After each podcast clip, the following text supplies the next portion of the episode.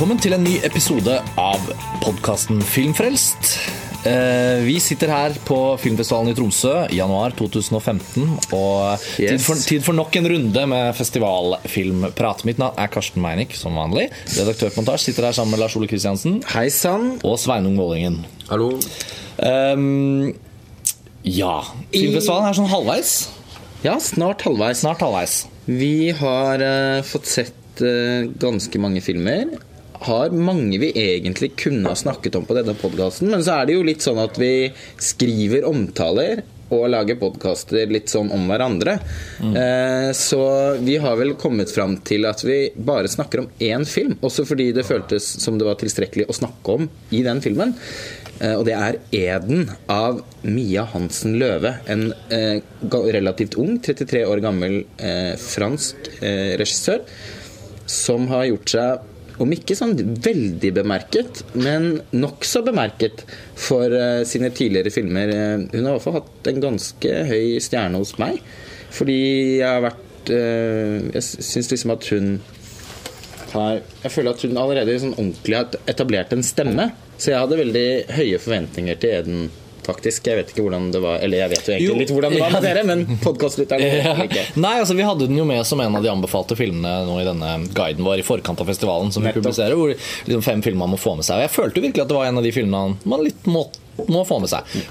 For meg er det sånn at Mia Hansen Løve Jeg har eh, bare sett en av filmene hennes fra før. Hun har fire spillefilmer nå totalt, inkludert Eden. Så da har hun sett to. Og den, den jeg har sett, er den som heter Father of My, The Father of My Children. Som er en veldig fin film.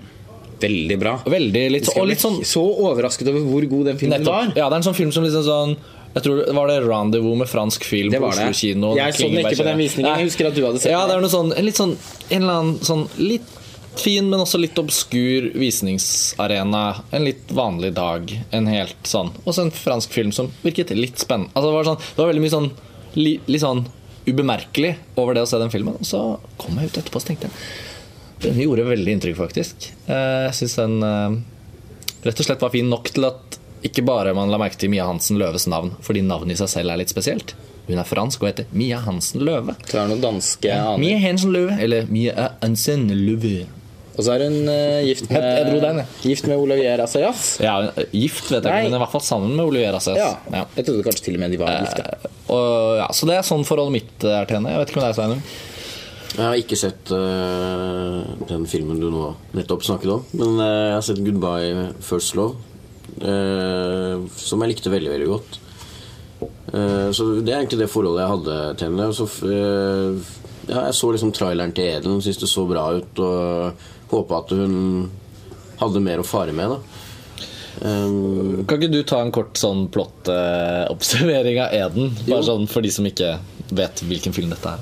Det er jo en veldig sånn miljøbasert film fra musikkmiljøet i Frankrike.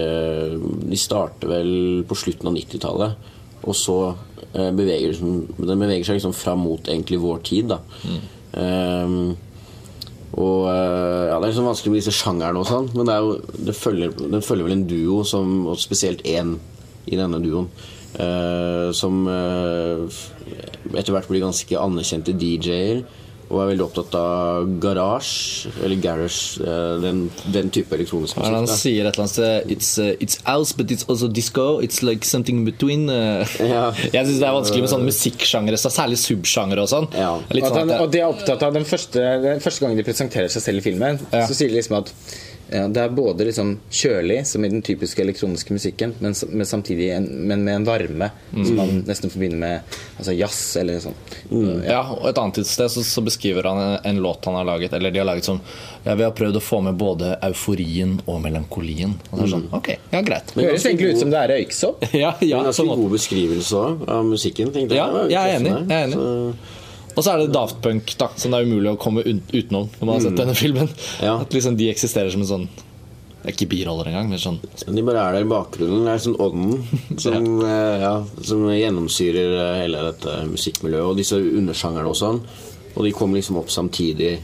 Men disse, dette, denne duoen blir jo aldri like store som Nei, altså, Daft Punk, så- jeg tenkte, jeg vet ikke hva med, dere, hva med dere gjorde, men jeg tenkte faktisk litt på den Cohen-filmen, eh, 'Inside Ja. Levin Davis'. Um, ikke med en gang etter å ha sett filmen, men litt sånn på kvelden i går så begynte jeg å tenke sånn Ja, Veldig forskjellige filmer, selvfølgelig. Men det handler jo også om en musiker som er sånn nesten vellykket i en bølge av en musikalsk liksom, eh, revolusjon eller utvikling. Hvor det er en som gjør det veldig veldig stort. Da. Bob Dylan, som liksom bare er der sånn helt i bakgrunnen på slutten av den filmen. Uh, og Daft Punk har den litt sånn på en veldig annen måte. Litt lik sånn eh, funksjon i denne fortellingen. At det handler ikke om dem i det hele tatt. Men fordi de er så ekstremt berømte og har hatt så stor innflytelse, så er det liksom viktig at de er der. I Ja, periferien. Jeg syns filmen er veldig veldig god på å kaste disse to eh, DJ Eller hovedsakelig han ene, for han er en veldig definert hovedkarakter. Ja. Han andre i duoen blir vi faktisk ikke særlig godt kjent med. Et merkelig grep eh, som også faktisk fungerte, syns jeg, men det kan vi snakke mer om siden. Men jeg syns at hans eh, hovedkarakteren sitt blikk på hvordan Daft Punk eh, blir en sånn monstersuksess helt i bakgrunnen. Den føles veldig autentisk. fordi det er sånn Hvis man kjenner mennesker som gjør, plutselig gjør suksess og blir kjente, så opplever man det annerledes enn andre. fordi at det er, blir aldri naturlig å å liksom se, egentlig se storheten i det. Fordi at ja, men det er jo bare Thomas og Guido. Ja, ja. Så det er sånn og, Uten ja, jeg- Man ser de gjør det veldig Ja, ja, de har jo blitt kjempestore det er utrolig gøy, men, men på en veldig sånn avmålt. Selv om man setter kjempepris på musikken. Altså Uten sammenligning for øvrig så opplevde jeg det nå i høst. Og Kusinen min har liksom alltid vært holdt på med musikk og vært utrolig bra. Og skriver fine låter. Og jeg har bare alltid tenkt Faen, du er jo så flink. Det er jo bare så bra at dere holder på med det bandet. Og det er liksom ikke Det er jo så fint. Og så liksom Så ble det plutselig sånn litt sånn ordentlig suksess. Og det er jo helt fantastisk. Men det var så rart. Jeg føler liksom folk som snakket om bandet hennes som, jeg bare sånn, som et sånt stort, nytt, bra norsk band, ble jeg sånn Jeg sa ikke noe, jeg bare tenkte sånn hm, Ja, nå skjer det. Nå er det liksom Nå må jeg høre noen snakke om det uten at jeg tenker at det er jeg som tar det opp, eller Ikke sant? Det, Og det er veldig godt portrettert i Eden. Akkurat det der med at, at han liksom Særlig fordi at det er så ekstremt. Fordi Daft Punk blir jo da et av verdens største band. Ja. Men det Og Cheers, som den duoen heter, blir mer sånn hus-DJ-er på en klubb i Paris. Turnerer litt, men, men så blir det liksom ikke helt noe med det. Det er jo ikke noe spoil, for dette er jo ikke en sånn type film. i det hele tatt Men det handler jo rett og slett om Om å prøve å, å finne sin plass, selv om det ikke helt går sånn som man tror. Jeg syns også filmen er veldig god på å skildre hvordan det er. Det, det der at man, man kaster seg ut i noe man har lyst til å drive med, og så går det ganske bra, og så bare fortsetter og fortsetter det. Men så når man et punkt hvor tida på en måte bare har gått. eh, og man har ikke helt eh, tenkt seg om hvor dette bærer. Og plutselig så må man liksom ta stilling til det på en ny måte. da Når, når det, suksessen kanskje begynner å dale. Eller, eh, for det er noe med den Filmen bare liksom driver av gårde. Og han reflekterer aldri noe over liksom framtida eller, eller liksom hva Altså Den er jo befriende lite dramatisert. Jeg synes jeg var en av Og det kjente jeg veldig igjen fra den andre filmen hennes jeg har sett, så det må nok være et autørtrekk. Og det er jo også litt sånn Asayas-aktig. Det er absolutt tilfelle for den uh, 'Goodbye First Love' også. En egentlig veldig statisk fortelling uh, som holder seg Selv om den i, i like stor grad som Eden følger én karakter veldig tett, så blir vi aldri helt kjent med henne. Det er akkurat som kameraet har en sånn høflig avstand som gjør at vi som tilskuere selv må få liksom få lov til å betrakte henne og eh, bruke våre egne erfaringer til å tenke hvordan ville jeg eh, reagert emosjonelt i den situasjonen. Og så får man litt av det, eh, men ikke alt. Så den, eh, og sånn er det med Eden òg. Selv om historien er aldri så udramatisk, så er det jo en, ganske mange ting som skjer i livet hans. Men filmen stopper aldri opp ved det. Eh, Den nyter liksom aldri de eh, tilløpene til noe dramatikk, da. Eller til noen sånne store følelses... Det er beef, det er jo, På et tidspunkt så er det noe tragisk uh, som skjer i hans liksom, krets. Og det er jo også en sånn Det er jo et klassisk eksempel på å identifisere en, en sånn type stil som hun kjører her. hvor det, hvor, Selv om det skjer noe ganske dramatisk, så får ikke det noe mer plass enn noe annet. Og, det, og, og hele, den, hele den måten å, å, å liksom brette ut filmen sin på, la den liksom bare flyte. Er Veldig helhetlig gjennomført. At hun liksom ikke lar seg lure nesten av at selv om, selv om det inntreffer mer dramatiske hendelser, så blir ikke den nødvendigvis noe mer del av filmen enn noe annet. Det er sånn det er noe som heter å spille birollen i sitt eget liv. Ja. Og det gjør han på en måte litt, og så gjør filmen Han blir på en måte en, bi, en liten birolle i filmens liv òg, selv om han er hovedkarakteren. Fordi eh, det er liksom ikke nødvendigvis hans reise som er i fokus, det er alt rundt han. Og filmen eh, også, har en veldig sånn uanstrengt måte å forflytte seg på. Det er liksom videre, videre, videre videre hele tiden. Uten at det er igjen noe spesielt som skjer. Men den eh, går jo, det er egentlig en episk anlagt fortelling. Går over 15 Ja, for den starter, den starter tidlig på 90-tallet, før de begynner med musikken. Bare 20 år interess, interessen for musikk. Liksom De første eh, rave-partyene han drar på, liksom begynner å snuse litt på. Mm. Leser en fanzine, har noen tanker. Prøver liksom å Og så gjør den disse hoppene. For hun har jo Hun bruker jo noen sånne eh, Både kapi, sånn kapittelaktige inndelinger, pluss også at filmen egentlig er delt i to. Den presenteres i hvert fall sånn. At liksom del én, og så får vi den. Og så kommer det til et punkt i fortellingen hvor det er sånn del to, og så får vi den. Og underveis så har hun, bruker hun sånn typografiske sånn to, 1992. Tre år senere, 1999, og så sånn. Sånn at sånn sett så blir vi jo ganske godt geleidet eh, gjennom det at den faktisk utspiller seg over 20 år. Og jeg synes jo også den har sånn Hun har virkelig gjort en sånn befriende lite eh, påtatt eh, aldringsprosess i sånn skuespiller, hvordan de ser ut. Og hvordan de, det er liksom sånn Det er jo basically som at han bare får skjegg. Eh, Og litt, gradvis. litt med mage, kanskje. Litt, og det ja, er det er sånne sånn- små ting som bare Og en jente som kommer og går i livet hans, har sånn forskjellige hårfrisyrer. Men ikke noe sånn der, liksom, ikke noe sånn påtatt. noe- Bare sånn det er- litt av det. Det er ikke noe Foxcatcher. Eh, nei, skulle til skulle til å si um, Men det skal sies at jeg syns jo ikke filmen er fri for, eh, for um, ba, Ikke barnesykdommer, men den er litt sånn Den er ikke helt Etter 20 minutter så tenkte jeg sånn Dette kommer til å være en veldig bra film. Men jeg, jeg merket at den ikke kommer til å være en stor, viktig, betydningsfull. Det var ikke, liksom der, var ikke det den strakk seg mot, kanskje, men Jeg kjente er det sånn- akkurat det samme. Jeg hadde Ja.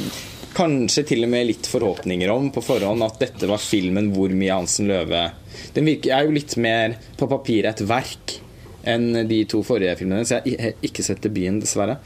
Eh, men det ble veldig tydelig, som du sier, allerede bare etter en 10-20 minutter, at det ikke var tilfellet.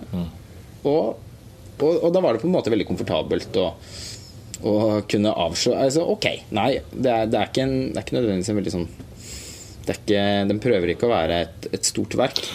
Og det, det, var, det forsonet jeg meg veldig med. Så Ja, jeg ja, òg. syns, uh, likte jo filmen veldig godt, men den, men den har også noen svakheter som det kan være verdt å, å snakke om. Uh, den har bl.a.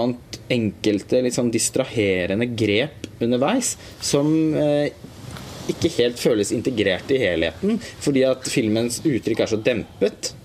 Eh, Så det er bare en eh, sekvens veldig tidlig med en sånn animasjon som virker merkelig. Den hadde jeg nå glemt, men det er jo Ja, det er sant. Det er nesten en av de første scenene i hele filmen.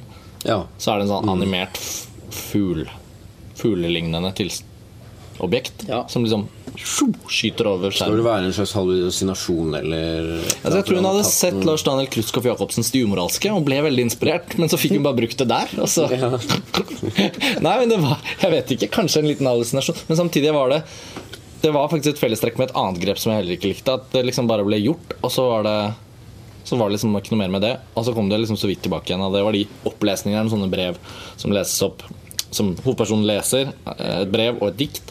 Og begge gangene så liksom får vi høre det lest høyt av en eh, kvinne. Og sett henne se rett i kamera. Ikke en split screen, men i en sånn slags sånn halvveis, litt halvhjertet fade in i bildet. Sånn, sånn, det var noen sånne grep som var sånn Det var så rart at ikke de var mer At de enten var gjort på en annen måte, eller at de var mer integrert og liksom gjort som en del av helheten. Ja, og spesielt sånn med tanke på noen av, sånne fest, noen av de festscenene og andre sekvenser hvor, hvor man kunne gjort mer ut av det, sånn med noen visuelle grep, da, hvor det ikke gjøres. Men, men i disse scenene da, så skal man liksom ha Da er det tatt et valg om å, om å ja, ha disse ansiktene, eller uh, Ja, jeg ble heller ikke helt klok på det, men jeg Samtidig så Det plagde meg ikke så veldig mye heller, eh, det med de ansiktene, f.eks. For at, Nettopp fordi at filmen er så veldig sånn monoton på en måte, så bare satte jeg litt pris på at ja, nå er, der er det i hvert fall noe litt ekstra. Litt sånn sukkertøy. Ja. Altså, jeg jeg, jeg syns jo også det var sånn der, Apropos det vi har snakket om noen ganger, eh, sånn tilstandsfilmer. Jeg jeg synes den føyde seg inn i den tradisjonen på en litt sånn fin måte, fordi den var både litt episk anlagt, som du sa, Lars Ole. Altså sånn, det er disse 20 årene, det er masse som skjer. Det er jo, og det er jo buer og reiser hit og dit for mange, både hovedpersonen og bifigurer. Men det blir jo likevel for meg en sånn tilstandsfilm, fordi det både er Hun har så veldig øye for at han er i mange forskjellige tilstander i historien. Mer enn at han er i historiens liksom, dramatiske punkter. Så er han mer sånn Det minnet, liksom, glir gjennom jeg tenkte en del på den etter revolusjonen til Asayas. Og det er ikke for å gjøre henne til en protesjé uh, av han, selv om de er et par. Uh, jeg tror nok de inspirerer hverandre. Eh, det kan man nesten se på de siste filmene. Altså 'Summer Hours' for eksempel, kunne vært en Mia Hansen Løve-film. Eh, På samme måte som 'The Father of My Children' litt kunne vært en Asayas-film. Eh, Og denne filmen eh, altså den, De har et litt sånn sånn lign- tilsvarende type liksom, toneleie. Men øh, øh, Ja, og den etter revolusjonen har en sånn på tross av at det er en film som liksom skal fange tidsånden, utspiller seg over noen år. Eh, men på en veldig sånn uspektakulær, men god eh, måte, da. Så kan man si at etter revolusjonen klarer noe Eller nå er det en stund siden jeg så den, men, men jeg føler at det er en film som utmerker seg med at den klarer å Nesten sånn akkumul... Etter, etter mye sånn flyt og mange scener som liksom glir litt, så, liksom, så vokser det en sånn En sånn kjerne av noe litt sånn eksistensielt dramatisk, hvis man kan si det sånn. Altså Ting som ikke er drama, men som er med en sånn følelse av sånn Det liksom blir litt sånn det treffer litt, da. Som jeg syns Eden mangler. At hovedpersonen for meg, kanskje til og med spesifikt altså skuespilleren som gestalter hovedpersonen i Eden, han hadde akkurat ikke den åpenheten eller Det var et eller annet med han som gjorde at jeg ikke fikk liksom projisert helt det emosjonelle inn i historien. Og egentlig, så, selv om jeg aldri har tatt i et uh, DJ-bord, så har jeg hørt mye på denne musikken. Og jeg, liksom sånn, jeg føler det var mange steder hvor jeg så at filmen kunne dratt meg mer inn, men at det på en måte bare ikke skjedde. Og det var ikke noe, Jeg hadde ikke noe sånn stor issue med det mens jeg så Eden, men jeg føler sånn i etterkant at, Og når man sammenligner med etter revolusjonen, og sånn som er jo lengre vekk fra meg sånn tematisk og innholdsmessig, men jeg husker den som en mye mer sånn gripende Mm. film på sånn jeg tematisk syns også det er en, en, både mer finsleppet og, og totalt sett eh, bedre film, syns jeg. Men, eh, og, men, den har, men, men på en eller annen merkelig måte så minner de veldig om hverandre, syns jeg. Med, særlig pga. Bruken av musikk. Så musikk spilte en veldig sentral rolle i den. Eh, her handler det jo om musikken, og den Ja. får jo da heldigvis veldig stor plass i filmen. Eh, Jeg fikk jo bare lyst til å høre på uh, fransk klubbmusikk fra sånn 95 til 2005. Ja, Det første man gjør etter å ha sett filmen, er jo bare å klikke seg inn på Spotify og finne playlisten til filmen, som er der. Ja. Eh, og, mm, så den er veldig sånn Man blir inspirert til å også sette seg mer inn i det, rett og slett. Daft Punk og sånn kjenner man godt til fra før, men det var mye annet spennende som ble spilt der òg, som ikke jeg kjente til, men som jeg i hvert fall likte veldig godt. Og, mm, men, men, jeg, men jeg skjønner hva du mener med han hovedkarakteren. Jeg likte faktisk han veldig godt, fordi at jeg opplevde han som veldig autentisk fordi han var sånn nedtonet og litt sånn avsondret. Det handler om det grepet eh, som jeg nevnte i stad, at hun liksom er litt sånn på høflig avstand hele tiden. Eh, Det er jo og, egentlig litt rart at hun klarer det, også, i og med at det faktisk er en ganske personlig historie. Ja. Sånn som vi har lest på forhånd. Og det er basert om- på broren hennes. Ja, altså at Broren til regissørens altså, Hva heter han? Sven Hansen Løve. Han er jo også kreditert som manusforfatter her, så det har sikkert vært, i hvert fall for han, en veldig personlig epoke å portrettere. da Eh, Men filmen bærer veldig lite preg Altså I negativ forstand så kunne den glidd over i sånn en uh, større grad av sentimentalitet, eksempel, som er veldig lett når man blir nostalgisk i forhold til en epoke. og sånt. Det er veldig lite av det. Ingen problem med det, følte jeg. Nesten sånn at jeg savnet det litt. At For min del så kunne den gjort enda mer ut av uh, for eksempel musikksekvensen. Det kunne faktisk vært enda mer musikk. etter mitt smak. Ja, jeg er enig i det. eh, Men eh, ja, jeg husker på, for, Før jeg så filmen, så var jeg litt redd for at det skulle bli en sånn litt corny sånn skildring av et musikkmiljø. Hvor man var veldig sånn ja, man, At man skal se folk snakke med hverandre og liksom oppdage nye nyanser av musikk. Og ja, det utrolig kul uh, trommerytme der, eller liksom At det blir litt sånn påtatt. Men uh, så det syns jeg egentlig kledde filmen godt. At det var veldig sånn. Og det er sikkert fordi at de har så innsikt i det musikkmiljøet at de har ikke noe de, Men samtidig en avstand til det også. At ikke det har noe behov for å liksom dytte fram det så veldig.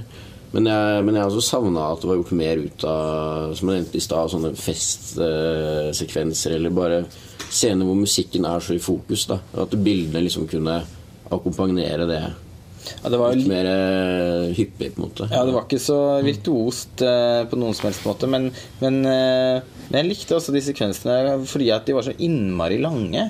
Og det var noen veldig fine sånn subtile ting i kameraarbeidet der. Sånne lange tagninger mellom, gjennom store folkemengder fram mot bardisken.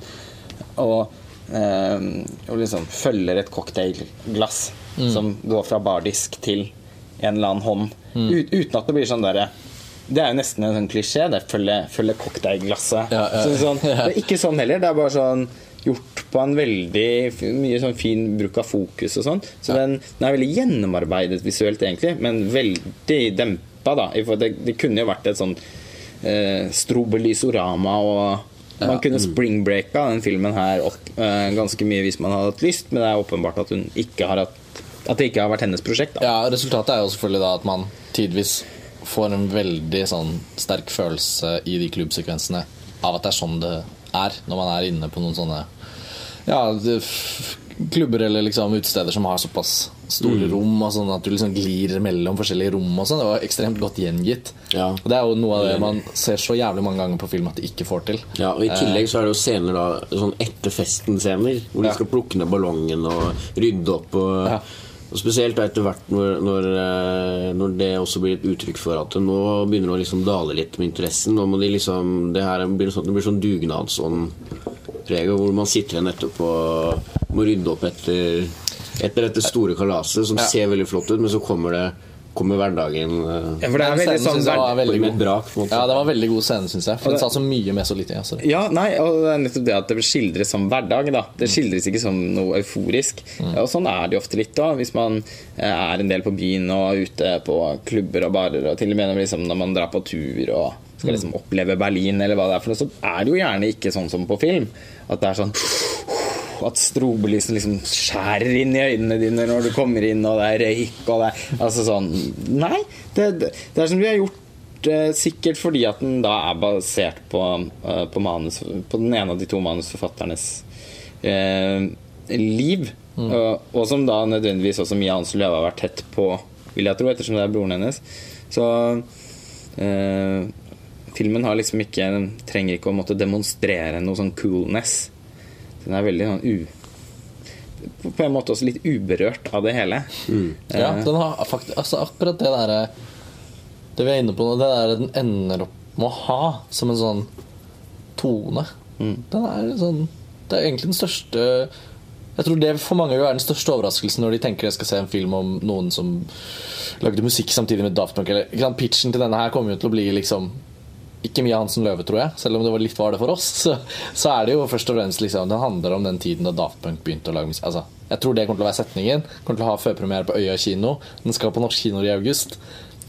Det kommer til å bli kroka veldig på det. Og da tror jeg mange kommer til å egentlig få en ganske stor overraskelse nettopp i hvor filmen legger seg. Akkurat det tone Den er jo ikke sånn forherligende, men den er jo heller ikke sånn mytologiserende. Det blir veldig sånn Det blir jo veldig sånn virk... Bare sånn, sånn Musikkinteresserte gutter med LP-spillere. DJ litt. Sitt. Det er også veldig fin den ene lille scenen at de lager musikk. Som bare er sånn han duden som er god på datamaskinen, som sitter med forskjellige typer sånn beats. Og han bare Nei, den er litt for Nei, den er litt for feminin. Ja, den er litt for Og så, og så ferdig. Og så sånn Ja, det var litt sånn omtrent sånn, sikkert. Og når man da har andre scener hvor Daft Punk de to guttene i Daft Punk da, som ikke har blitt store ennå, kommer liksom inn på en fest og spiller Da Funk fra Homework for første gang, liksom. Og du bare hører, For oss også, da, som kjenner låten liksom, og som kan skrive historikken inn i scenen. Men også er det da ikke gjort mer enn at liksom, de bare litt sånn usikkert setter den på på festen og Hvordan blir det mottatt? Ja, ser litt sånn hvordan, hvordan går dette? Og de andre bare sånn Ja, den var fet. Ikke noe sånn Nå skjedde det en stor endring i våre liv. Det er bare sånn, faen, kult ass De to, den er fet. Og så er det ikke noe mer med det. Og så liksom hopper det i tid, og så Selvfølgelig er det blitt store, men det blir ikke noe snakk om det heller. Det er bare sånn Ja, nå spiller de den låta igjen, liksom. Eller sånn. Og stemningen når de skal sette det på, som er veldig realistisk Mm. At den første reaksjonen er 'nei', fordi det ble slått av en annen. Ja, det var en annen låt som ble skutt av, ja. Ja. ja. Så jevnt over så syns jeg at dette er en utrolig styrke ved denne, denne filmen. Jeg overstiger i hvert fall de svakhetene jeg liksom bemerker meg, men som på en måte ikke gjør noe. Det var så fint å se den, liksom. Det var så gledelig å se at den holdt på det. At den liksom bare tok oss med. Og så liksom Så når den var slutt, så var den liksom Sånn. er jeg, i hele tatt en veldig enkel film å anbefale til alle som er Særlig for alle som er glad i den musikk Altså i den type musikk da som filmen eh, tar for seg.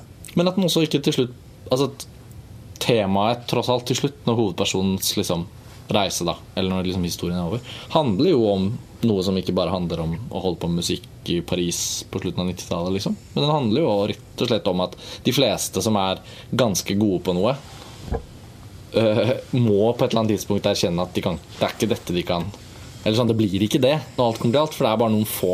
Akkurat som med alle liksom hundretusenvis av gutter som spiller fotball og tenker at de faktisk skal bli fotballspillere, og så begynner den utsilingen. Og så sakte, men sikkert så er det liksom Det er jo helt sykt få som blir store fotballstjerner. Og det er jo litt det samme. Altså, tenker, tenk alle de guttene og jentene som sitter der og mikser og kan det litt. Kan det best av de i vennegjengen. Og så er det liksom å måle seg på, på, på ungdommens kulturmønstring, holdt jeg på å si. Der er det jo til og med allerede noen som faller av der. ikke sant? Og veien da til å liksom være Daft Punk er jo ganske lang. Men tenk så fascinerende at det skjedde At du var der samtidig med Daft Punk. Det er det jeg føler filmen liksom handler om. Ja. Det å på en måte erkjenne at livet må også handle om noe annet når alt kommer til alt. Ja, Men at det var utrolig å være med Å på det. være en del av, liksom, av fødselen, men etterpå stå der litt på sidelinjen og liksom bivåne at det vokser seg stort, men ikke helt få lov til å være en del av det. Jeg syns måten hun avslutter filmen på, var veldig vakker. Altså sånn Kombinasjonen av to-tre scener som ble de siste scenene i filmen. Som liksom bare fant liksom sin sånn En scene hvor han eh, Hvor han eh, kommer på en klubb og møter Daft Punk. Sånn liksom, litt sånn hverdag, til, til hverdags, liksom. Eh, som avsluttes med at det blir spilt eh, en låt fra Random Access Memories. Ikke av dem, men av DJ-en på det stedet. Hvor kameraet liksom sniker seg inn på henne, og du tenker at å, skal han igjen liksom forelske seg i en av de mange Jentene hans Jentene hans. spotter i løpet av livet. Nettopp. Uh, det, var, det var en av de mest melankolske sekvensene i filmen, syns jeg. Jeg Og syns det var og- veldig vakkert gjort. ja, det var veldig vakkert. Og sånn eh, Det var liksom også, og også en sånn spiker i kista. Mm. At da, da, nå er ja, Daft Punk har til og med kommet, vi- kommet seg sånn De har begynt med noe nytt. Mm. Ja. Eh, ja. Nei, vi må nesten Ja, avslutte. ja, nei, men Det var jo en fin avslutning også på, på samtalen. Jeg, tenk, jeg tror podkastsamtalen vår nå fikk meg til å like filmen et lite hakk mer. For vi fikk jo ikke helt snakket om den i går. etter at jeg hadde sett den Nei, jeg føler litt på det samme. Den kommer på kino altså i eh, august 2015. Hvis du hører på denne podkasten i august 2015, så kan du jo gå og se filmen på kino. Men nå er det januar, og vi skal tilbake på filmfestivalen. Takk for at dere hører på Filmfrelst. Ja, takk skal dere ha. Høres igjen snart. Ha det. Det var flott. Ha det bra. Ha det.